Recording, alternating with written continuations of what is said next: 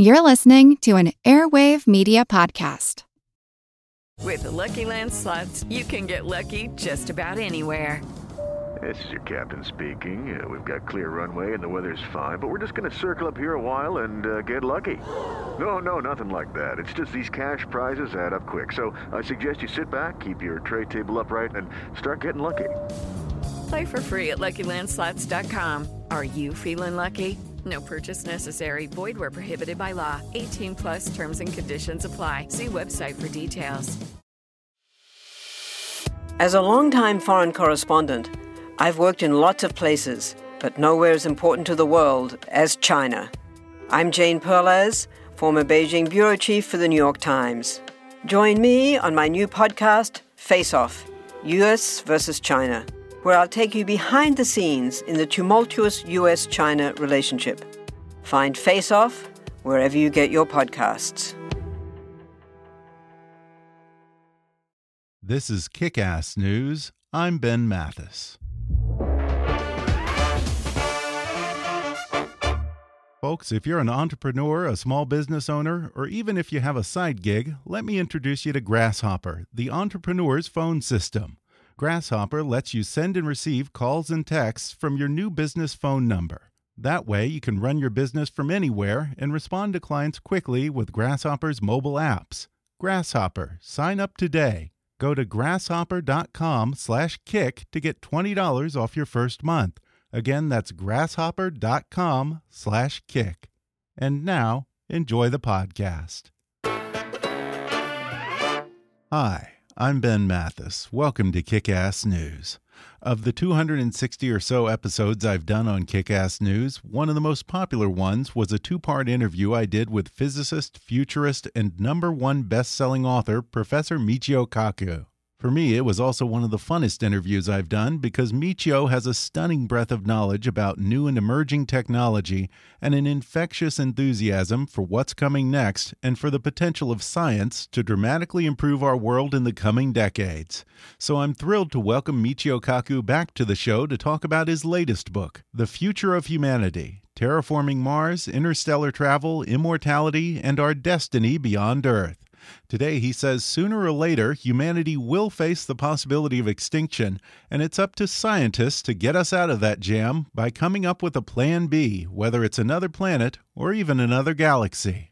He explains why it's important for us to finally return to the moon, how we would go about terraforming Mars to make it habitable for humans, and what he calls the new gold rush that could turn NASA into a self funding agency. He shares his theory on why we haven't encountered alien life, and part of it has to do with where we fall on his hierarchy of civilizations. In fact, Michio says we haven't even made it on the list, and a large part of it has to do with Earth's 1.0 approach to energy. Plus, Michio describes the three ways the universe will almost certainly die, but suggests that in the meantime, immortality may be just around the corner. He weighs in on the rise of space entrepreneurs like Elon Musk. And finally, he gives me a progress update on what he calls his life's work, proving Einstein's unified theory of everything. Coming up with futurist Michio Kaku in just a moment.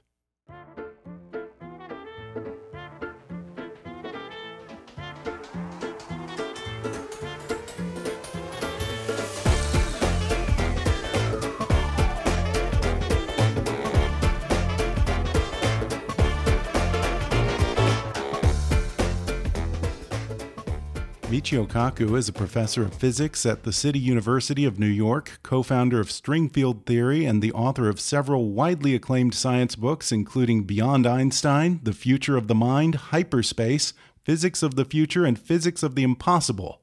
He's the science correspondent for CBS This Morning and host of the radio programs Science Fantastic and Exploration. He's written a new book called The Future of Humanity Terraforming Mars, Interstellar Travel, Immortality, and Our Destiny Beyond Earth. Professor Michio Kaku, welcome back to the podcast. Glad to be on the show. Well, Michio, you are my favorite futurist because you're always so optimistic. But I have to say that some aspects of this book border on being slightly depressing because all of the science and tech you're talking about in the future of humanity are driven by the goal of avoiding our inevitable demise and even extinction. Is that going to be the thing that motivates us to explore the universe and make other breakthroughs in this book? Well, you know, the dinosaurs did not have a space program. And that's why they're not here today.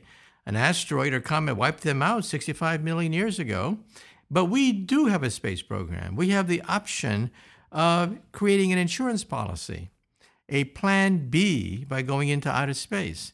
Now, I once uh, talked to Carl Sagan, the astronomer, and he said that, well, the Earth is in the middle of a cosmic shooting gallery with thousands of meteors and asteroids whizzing by, and sooner or later, one of them is going to have our number on it. Now, he didn't say we should evacuate the Earth to go to Mars. That's too much effort. And on the other hand, we shouldn't leave the Earth to escape global warming. That's a problem that we have to cure on Earth. We're Earthlings on the Earth. We got to cure global warming. However, he said that we should have a settlement on Mars just in case something bad happens a supervolcano, asteroid uh, collision. And remember that 75,000 years ago, an, a supervolcano erupted in Indonesia, which wiped out almost all humans.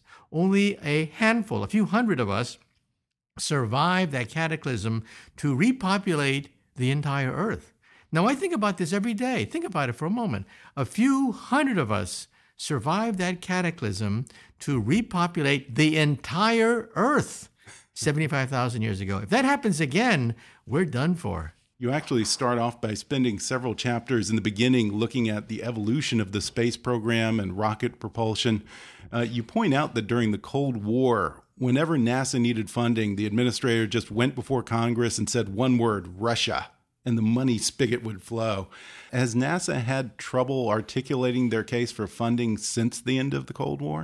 Yeah, for 50 years, people criticized NASA as being the agency to nowhere. the wind in the sails of NASA was the Cold War. And remember, in 1966, the NASA budget was 5% of the entire federal budget. Now, think about that. Wow. 5% of every tax dollar that went to the government went to the space program. That was unsustainable. And that's why for 50 years we were spinning wheels. Now times have changed. Prices have dropped dramatically. You know the movie The Martian? Most mm-hmm. people have seen that Oh, movie yeah. with Matt Damon, right? Yeah, great movie. That movie cost $100 million. But you know, the Indians sent a space probe to Mars for $70 million. You realize, therefore, that it costs more money for Hollywood to make a movie about going to Mars than actually going to Mars. They should give an Oscar for the best supporting spacecraft. That's how cheap space travel has become. Now, you have some ideas for how NASA could eventually become a self funding agency, and so they wouldn't have to come hat in hand to Congress every year. Uh, one of these ideas involves mining asteroids. Okay, what would we find in them? How would we do it? And how much money are we talking about? Well, we talked about Silicon Valley billionaires underwriting the costs, hoping to become famous and get profits in the future. Tesla Motors and Elon Musk are uh, backing the Falcon uh, moon rocket. Uh, Amazon with Jeff Bezos is backing a spaceport in Texas. And now Google. Google is not jumping in the game. Even Google. Yes, they're backing planetary resources to mine the asteroids. And guess who set that into motion? It was President Barack Obama. He said that, well, Mars is kind of far away, but asteroids could become very close to us, and they're full of platinum rich minerals that are valuable for the electronics industry, like rare earths. So the idea was to basically grab an asteroid and bring it back to Earth. An asteroid about 50 feet across contains about 50 billion dollars worth of platinum based metals and rare earths necessary for the electronics industry. It could pay for itself. I'm trying to think. It it was a couple of weeks ago that, of all people, I think the Secretary of Commerce, Wilbur Ross, had this idea about mining the moon, and a lot of people made fun of it. Some scientists said that it wasn't logistically possible to do what he was trying to do. What did you think about that? Well, we're thinking about mining Mars. Think- Yeah. Forget the moon. Yeah, forget the Uh, moon. You're for- on the first of next all, level. Mars has lots of ice, tremendous Mm-hmm. amounts of ice. We now know that the moon also has large quantities of ice in the shadow, in the shadow of mountains and craters. We didn't know that before. Now, why do you need water? Because first of all, water can be purified for drinking water on uh, these uh, celestial bodies. Second of all, you can separate water into hydrogen and oxygen. Oxygen for breathing, hydrogen for rocket fuel. Think about that. Okay. By taking the ice from Mars, melting it, separating it out, you can create water for drinking, oxygen for breathing, hydrogen for rocket fuel, and then water for agriculture. So in outer space, water is worth more than oil. I mean, oil is useless in outer space because you can't burn oil. There's no oxygen in outer space. So oil That's is useless true. in outer space, but water, water would be extremely useful and valuable in outer space. The private sector seems to be picking up some of the slack for NASA now that we have billionaires like Elon Musk and Richard Branson getting in the game. Do you welcome space entrepreneurship or do you have concerns about that? Oh, yeah, these space entrepreneurs are dropping the price of space travel like a rock. You know, what? last month, just last month, millions of people were riveted on TV watching the launch of the Falcon Heavy rocket. Now, why? Why were thousands of people lined up on the streets of Cape Canaveral, millions watching it on the internet? Because that rocket was a moon rocket. For the first time in 50 years, think about that. Yeah. For the first time in 50 years, a moon rocket took off from Cape Canaveral. And guess who paid for it? The taxpayers, you, me? No, it was a private individual, Elon Musk. And now, Jeff Bezos, the richest man on earth. Not to be outdone, He's jumped into the game. He wants to foot the bill for a spaceport in Texas. It's already operational.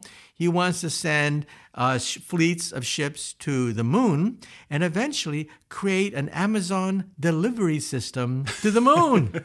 Just think astronauts will be able to order an Amazon book while they're on the moon. That's how cheap space travel has become because A, we're getting better at it. Uh, the Chinese, the Indians are now jumping into the game. The Chinese want to put their flag on the moon, by the way. Right. And second of all, because private enterprise, all these Silicon Valley billionaires have this dream that they had as children to conquer outer space and go to the stars. Yeah, and you mentioned that it's been almost 50 years since humans set foot on the moon. Why has it been such a long gap and why is it suddenly a priority again now? Well, let's be blunt about this. Space travel used to be extremely expensive. Mm. To hmm. put a pound of anything in orbit, like a book, to put a pound of anything in orbit around the Earth costs $10,000 per pound. Wow. That's your weight in gold. Think of your body made out of solid gold, and that's what it costs to put you in orbit. Now, in the future, Space travel is going to become relatively easy so that our grandkids could honeymoon on the moon. Think about that. Our grandkids may not want to simply look at the moon at night and wonder, gee, isn't it beautiful tonight? No, they're going to honeymoon on the moon. It's only three you, days away. Do you think it's a very romantic or sexy place for a honeymoon, Michio? Well, it's going to be a tourist site. I yeah. tell you, it's going to be a tourist site. Already, okay. uh, our astronauts played golf golf on the uh, moon. Yeah. so we're going to have interplanetary sports uh, on, on, the moon. And of course, Mars is farther away. Uh, right. Not just three days, but a round trip could be uh, two years, for example. So the initial group of settlers will be pretty hardy. They will be astronauts. They will be fearless. They'll be test pilots, the first batch. After that, yeah, perhaps even tourists will go to Mars. And when you go into this eventual idea of terraforming Mars, what would that look like? What would it take to make it hospitable enough for humans to be able to, let's say, walk around like we were walking the streets of New York without a spacesuit? Well, of course, this is going to take time. We're talking about decades and decades of work. But the first thing you do is, well, mine the ice for rocket fuel and oxygen. Right. Create a moon, a Mars base by taking the Martian soil and solidifying it into brick. We've experimented with Martian soil on the Earth. And we've actually made wow. bricks out of it. So we, we can make structures. Then what you want to do is inject methane gas to start a greenhouse effect. Solar satellites will eventually beam energy down to the polar ice caps of Mars and melt the ice so that water will flow freely on the surface of Mars after 3 billion years. Mars once had an ocean the size of the United States of America. It had seas, it had riverbeds, it had deltas. It was teeming with different kinds of of um, life, uh, not life, but teeming with different kinds of uh, aquatic formations that we find here on the planet Earth. And so, if you melt the polar ice caps, you can reestablish the lakes and rivers and oceans of Mars. And then you would be able to have breathable oxygen? Uh, that's right. We want to import crops. Okay. Genetically modified algae that could thrive in these seas. They love carbon dioxide. The atmosphere of Mars is carbon dioxide. And what do they give off? Life giving oxygen. and so we can then begin to create an oxygen atmosphere by importing genetically modified crops that love carbon dioxide and spew off tremendous amounts of breathable oxygen. Okay, so the takeaway is that global warming can be a good thing, huh? well, on the Earth, it's a bad thing. Uh, we are terraforming yeah. terraforming the Earth. Uh, terraforming yeah, is not an not alien concept. We're doing it to the Earth right now for worse, but for better, we can terraform Mars. With terraforming Mars, I mean, we've seen, like you just said, the consequences here on Earth could this sort of thing monkeying with the environment on Mars could it have unintended consequences? Well, we got to do it carefully. Yeah. Elon Musk was uh, asked about that question because he wants to colonize Mars with a million settlers, and he was asked about the polar ice caps, and he said, "Nuke them." His place a hydrogen bomb on the ice caps to melt the ice caps. Later, he qualified it but I think that's not such a good idea. You sure Donald Trump didn't say that? that uh, no, it was Elon Musk. I okay. think we should have mirrors from outer space beam the sunlight down to the ice caps rather than nuking the ice caps with yeah. nuclear weapons, which is doable. But who wants to drink radioactive water? yeah. Now, if you were a betting man, who would you say is likely to get to Mars first, NASA or the private sector? Well, gee, that's a toss up because, you know, the NASA has its own moon rocket. We have mm-hmm. not one, but two moon rockets now. This is unheard of. Who would have thought? First is the SLS. That's the NASA rocket. Mm-hmm. It cost a billion dollars per launch. Wow. And every launch will be once every one or two years. Then we have Elon Musk, who says, bah, humbug. What is this billion dollar launch business? He wants to get it down to 10%. 10% of the launch costs of the SLS with the really? Falcon Heavy. And he wants to launch these every few months, not wait one year per launch. So who's going to go to Mars first? Well, it's not clear. But if, if uh, Elon Musk can deliver, we're going to go to Mars a lot sooner than the Washington bureaucrats. How would you get it to 10% of that cost? Well, it's reusable rockets. Okay. You know, after World okay. War II, GIs came back from the war broke. They couldn't afford cars, mm-hmm. but something happened. The usable, uh, reused car market opened up, and all of a sudden, teenagers, teenagers had cars. A whole culture revolved around used cars. Now, more used cars are sold than new cars. Think of it for the rockets now. Right now, rockets are not reusable, but Elon Musk proved that you can do it. And so this means that in the future, we'll re- reduce the cost maybe by a factor of 10 by having reused rockets. Yeah, but if you buy a lemon with a rocket, it could cost your life. yeah, well, you have to careful. test it. And yeah. sure enough, when Elon Musk last month launched the Falcon Heavy, you mm-hmm. saw it mm-hmm. two, not one two booster rockets came down vertically. This is like a science fiction movie. two rockets came down vertically and landed softly on the launch pad. I mean, this is historic yeah. if you think about it. A new milestone in rocketry, reusable rockets. Who yeah. would have thought? We're going to take a quick break, and then I'll be back with more with Professor Michio Kaku when we come back in just a moment.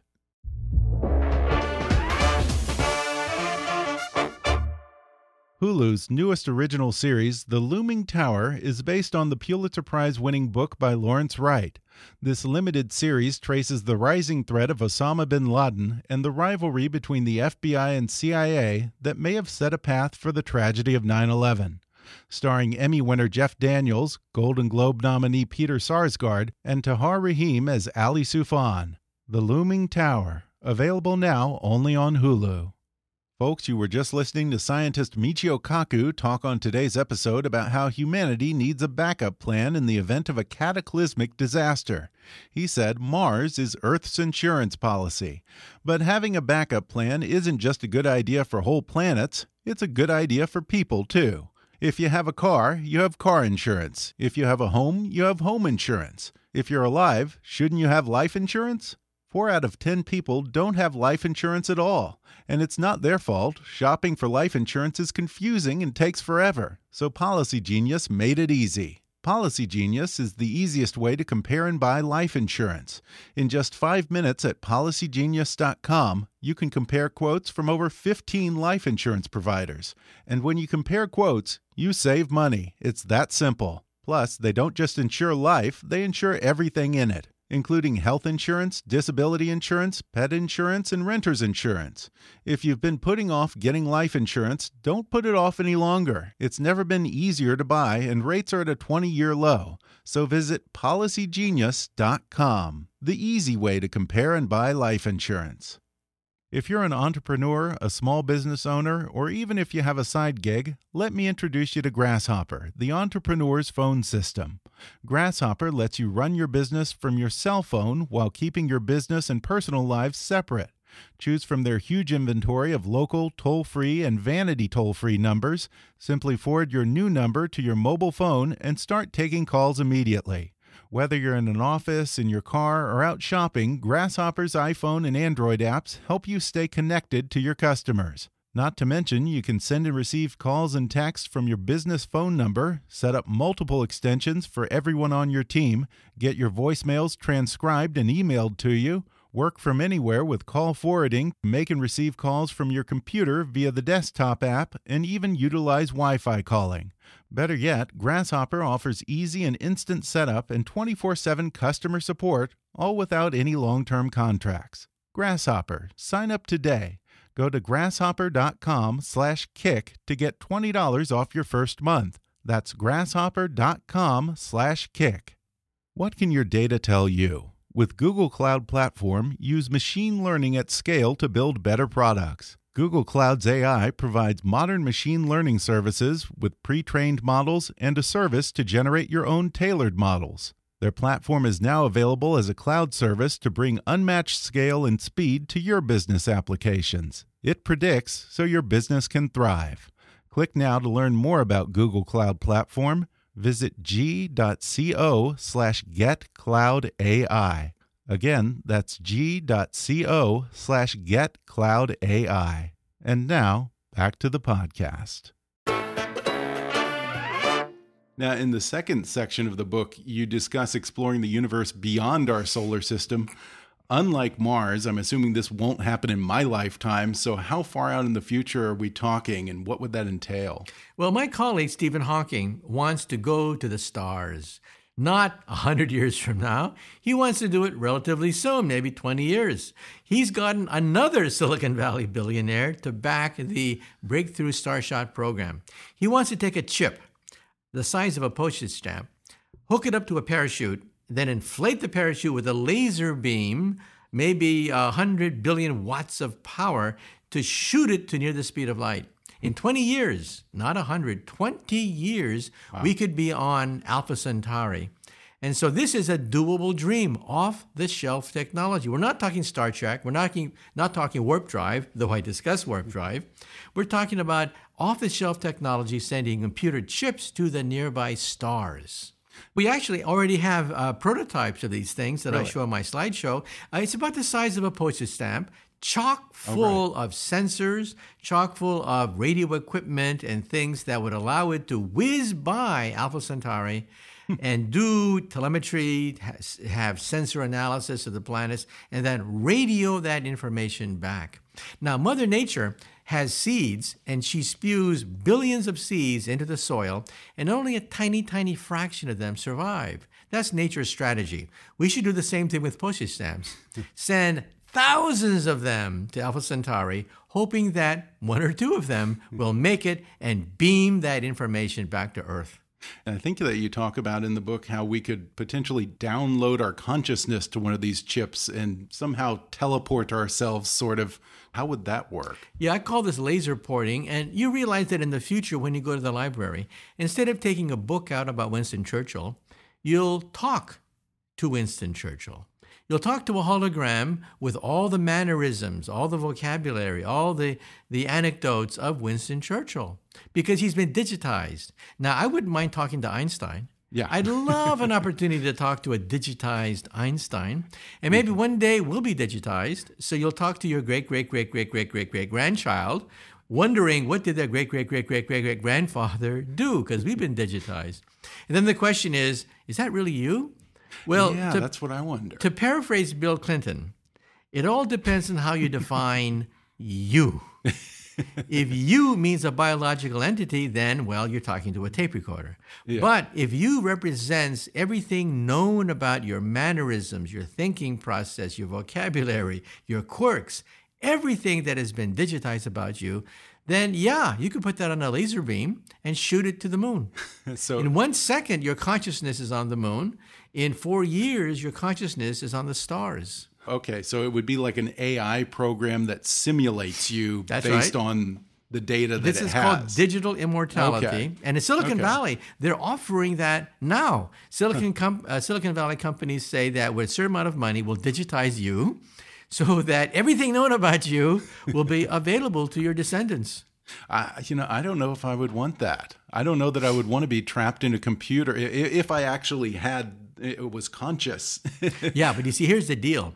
If you shoot your consciousness to the moon, there is a relay station which downloads your consciousness into a mainframe, Okay. then puts it into an avatar. Okay. A mechanical avatar that is super handsome, super strong, Superman that could thrive on the moon, Mars, and outer space. We will be Superman and Superwomen rocketing across the universe at the speed of light. Now, let me stick my neck out. Let me stick my neck out. I think that this already exists. really? I think that aliens from outer space, they're, they're not going to use flying saucers. That's so mm-hmm. so 20th century flying saucers. They're going to laser port their consciousness by the billions across the universe at the speed of light, and there could be a highway, a laser highway right next to the Earth, beaming billions of souls, and we're too stupid to know it. We wouldn't know. We had no way of detecting this because we are so primitive in our technology. So then I guess that would address the Fermi paradox, which is if there is intelligent life out there, how come we haven't encountered it yet? Huh? Yeah, that's right. By the way, some people come up to me and say, bah, humbug. The Fermi paradox is ridiculous because I've been abducted. I've been oh, kidnapped. Oh, really? by- You've encountered these people? I've encountered a lot of these people. I'm so what do I tell them? I tell them the next time you're abducted by a UFO, steal something. Yeah. I don't care what it is an alien chip, an alien paperweight, an alien pencil. Steal something. Because there's no law against stealing from an extraterrestrial being. There's no law. No one's going to put you in jail. protected. And you have bragging rights. You say, I finally got a UFO pencil. Proof. Reproducible, testable, falsifiable evidence that I've been abducted. What about I, I- I've heard about these people who claim that they were abducted and they had something implanted under their skin that they dug out. I you tell know what them, I'm talking about? I tell them, get that alien DNA. Yeah. That'll clinch it right there. It'll end the debate. End of story. Alien DNA. You realize what catas I'm not catastrophic, but incredible information could come out of alien DNA. Yeah. We had to rewrite history with alien DNA, and it could be right in your, well, private parts, because that's where the aliens apparently do their operations. Uh, yeah, I mean, who knows? We might recognize some of that DNA. Yeah. So, anyway, the point I'm raising is we need testable, falsifiable, reproducible, hard evidence. Just because you say you've been abducted by an alien in outer space doesn't mean you can prove it. Maybe it was a nightmare that you had. That's why we need alien DNA, alien chips, anything that you can touch. But but you think that most likely, if they're out there, they're operating on such a high plane that we're not even aware of it, or they're maybe they're sending robots. Who knows? Yeah, you know, when you go to a forest and you talk to the forest animals, uh, do you try to engage the squirrels and the deer? Maybe for a little bit, yeah. But after a while, you get bored because they don't talk back to you. Yeah. They don't have any interesting stories to tell you. So I think that if aliens come to the Earth, they're so advanced that they could travel thousands of light years to the Earth, and we are like we are like squirrels to them. You know, cute little creatures of the forest, but we have nothing to offer them. So not they even would for them, Kaku? uh, yeah, Come on. Yeah. Even if Surely they have they would smart talk to you. squirrels, uh, they, they may not want to engage us. Oh. Well, this kind of gets into an interesting chapter where you discuss the four types of civilizations, which are broken down interestingly by energy technology.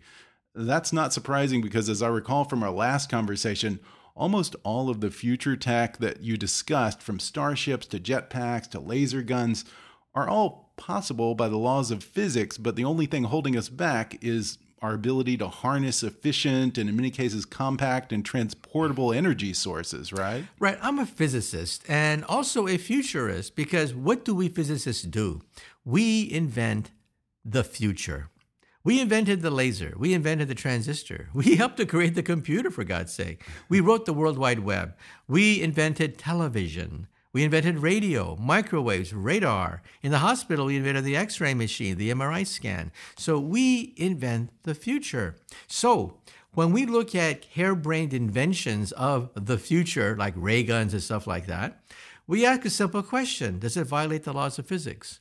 And then we begin to realize the shocking realization that most of science fiction does not violate the laws of physics. Really? It's an engineering problem. Why don't we have ray guns? Because you need a portable battery, a battery powerful enough to energize a ray gun. That's why we don't have ray guns or flying cars. It's very difficult to create a portable power pack small enough to put inside a car to make it fly. All these are possible, except we have the practical problem, the engineering problem of energy, portable energy. That's why we don't have the, the jetpacks and the flying cars and the ray guns of science fiction. Walk us through these different levels of civilization and tell us where we rank. Do we even rank in the bottom civilization? We rank civilizations by energy. So, type yeah. one would be planetary, they control the weather. They can control, in principle, earthquakes and volcanoes, anything planetary they control, sort of hmm. like Buck Rogers. Then we have type 2, stellar. They control the output of a star. They play with stars. That's the Federation of Planets of Star Trek.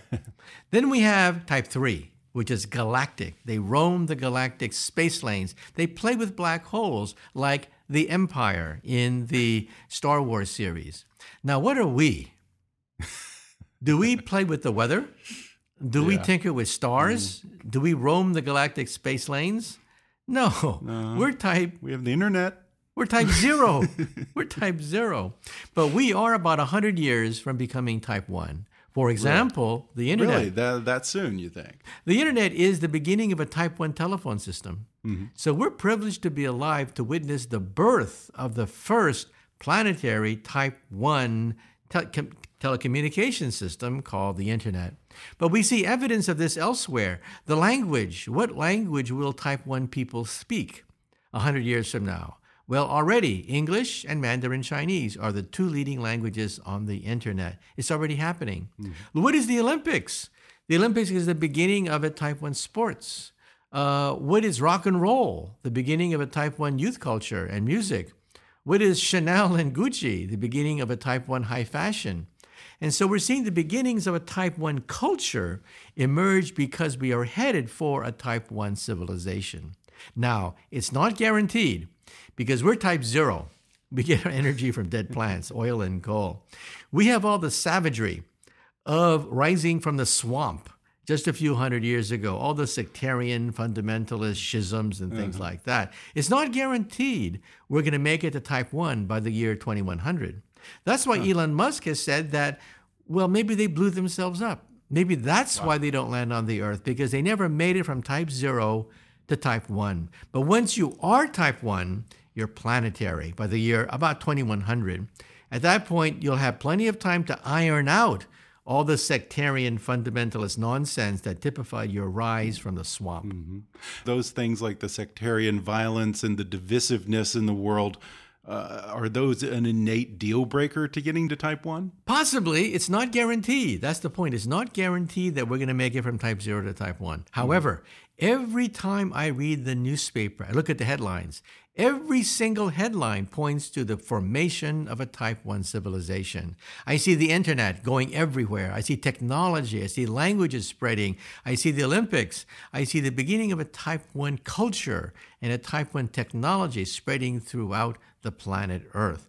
Now, it's not guaranteed that we're going to make it. As Elon Musk says, maybe that's why the aliens don't land on the Earth because they blew themselves up. But I'm I'm optimistic. uh, as President Eisenhower once said, "quote Generals who are pessimistic never win wars. Only the optimists win wars. Optimists make history." Well, you are definitely an optimist, and you know who else is? Uh, transhumanists. We kind of touched on that a moment ago.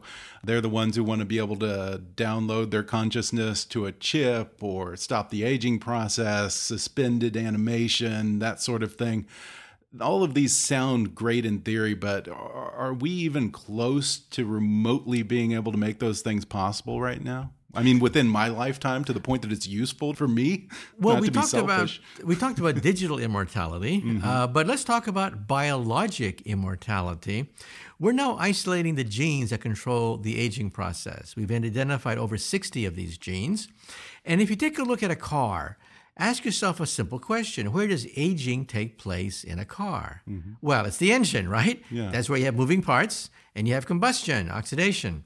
Well, where do we have that in a cell? Well, bingo, the mitochondria, the powerhouse of the cell. And that's where errors build up. We've now located huh. where the wear and tear of aging takes place, and that takes place in the mitochondria. Now, with gene therapy, if you fix those broken genes, in principle, you might be able to live forever. Before we went on mic, I was telling you that I just had Michael Shermer on discussing somewhat similar topics.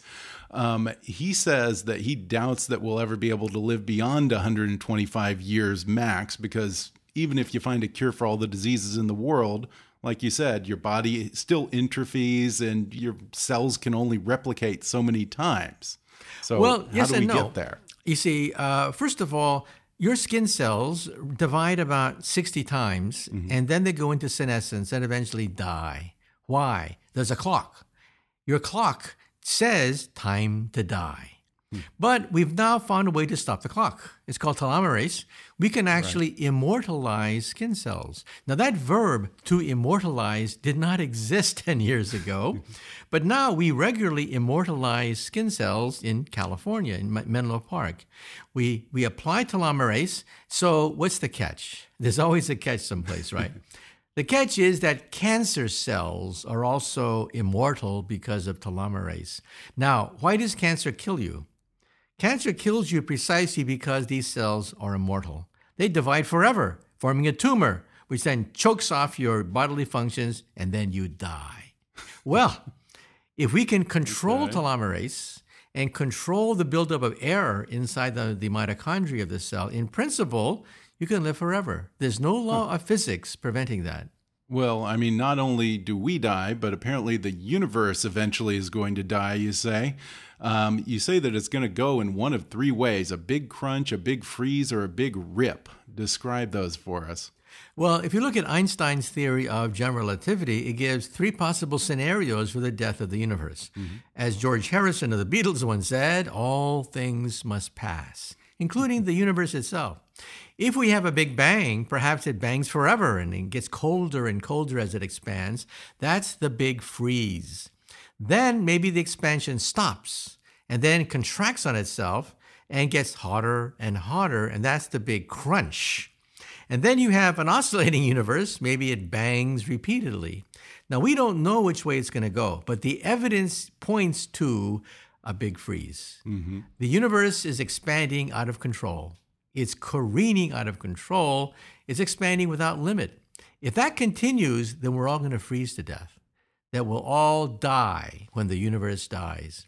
Now, my own personal point of view is as follows this is going to happen trillions of years from now when we're going to become maybe type 4, extragalactic. Oh, okay. So we got time. We got time, plenty of time, trillions of years. And on that scale, once we have that kind of cosmic power, then I think we should leave the universe we should create a tear in the fabric of space and time called a wormhole, create an interdimensional lifeboat, and then sail to another universe which is warmer, where we can mess up that universe as well. Well, being a futurist can be a dicey proposition. You look back to the 50s or the 60s, all the things that they envisioned then somehow haven't come to pass, but then nobody ever imagined we'd have the internet or DVD players and those types of or things. Or rockets that go to the moon. Or yeah. rockets that go to the moon. Have there been inventions and advances that surprised even you? Well, first of all, why were the predictions of old wrong? Like in 1900, the most famous prediction was that we'll have blimps, transatlantic blimps that go back and forth between England and the United States.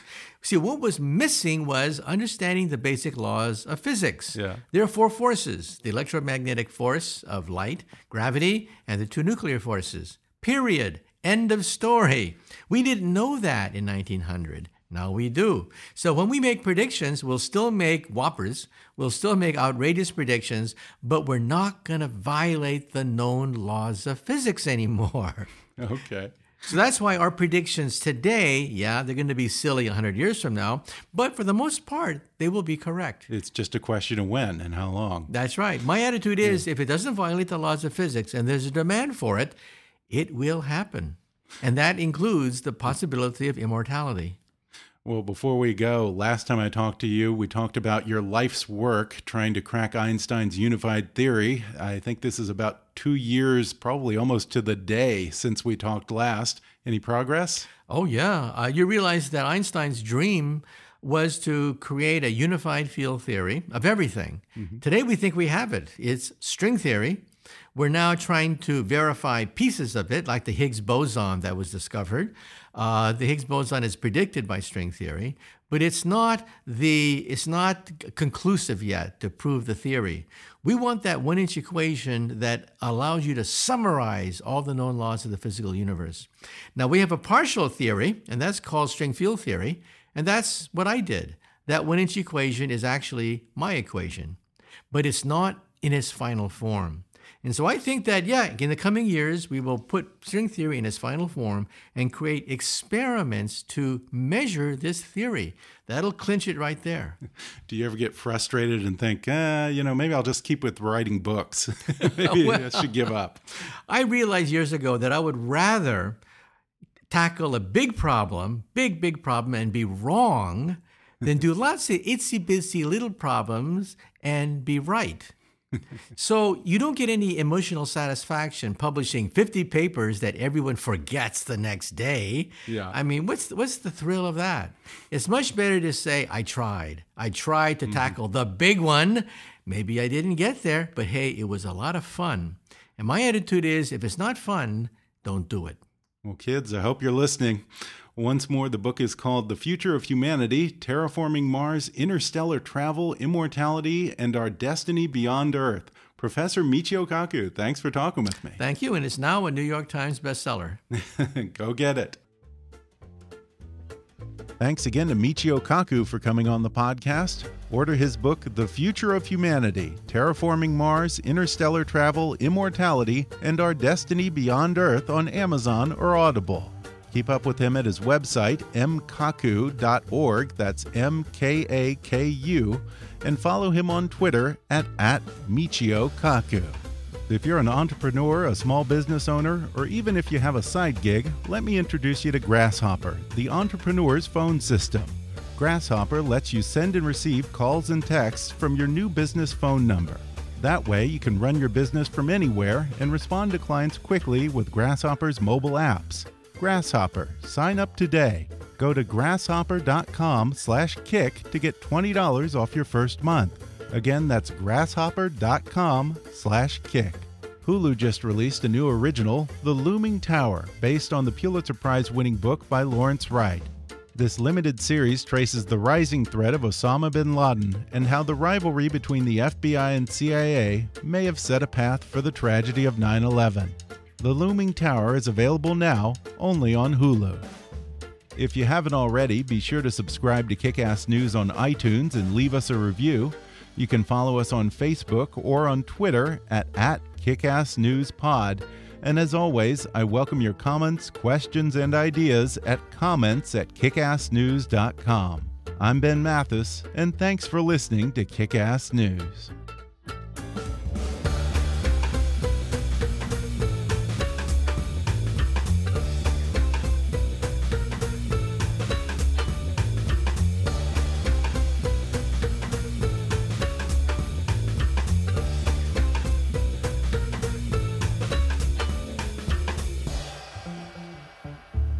Kick Ass News is a trademark of Mathis Entertainment, Inc.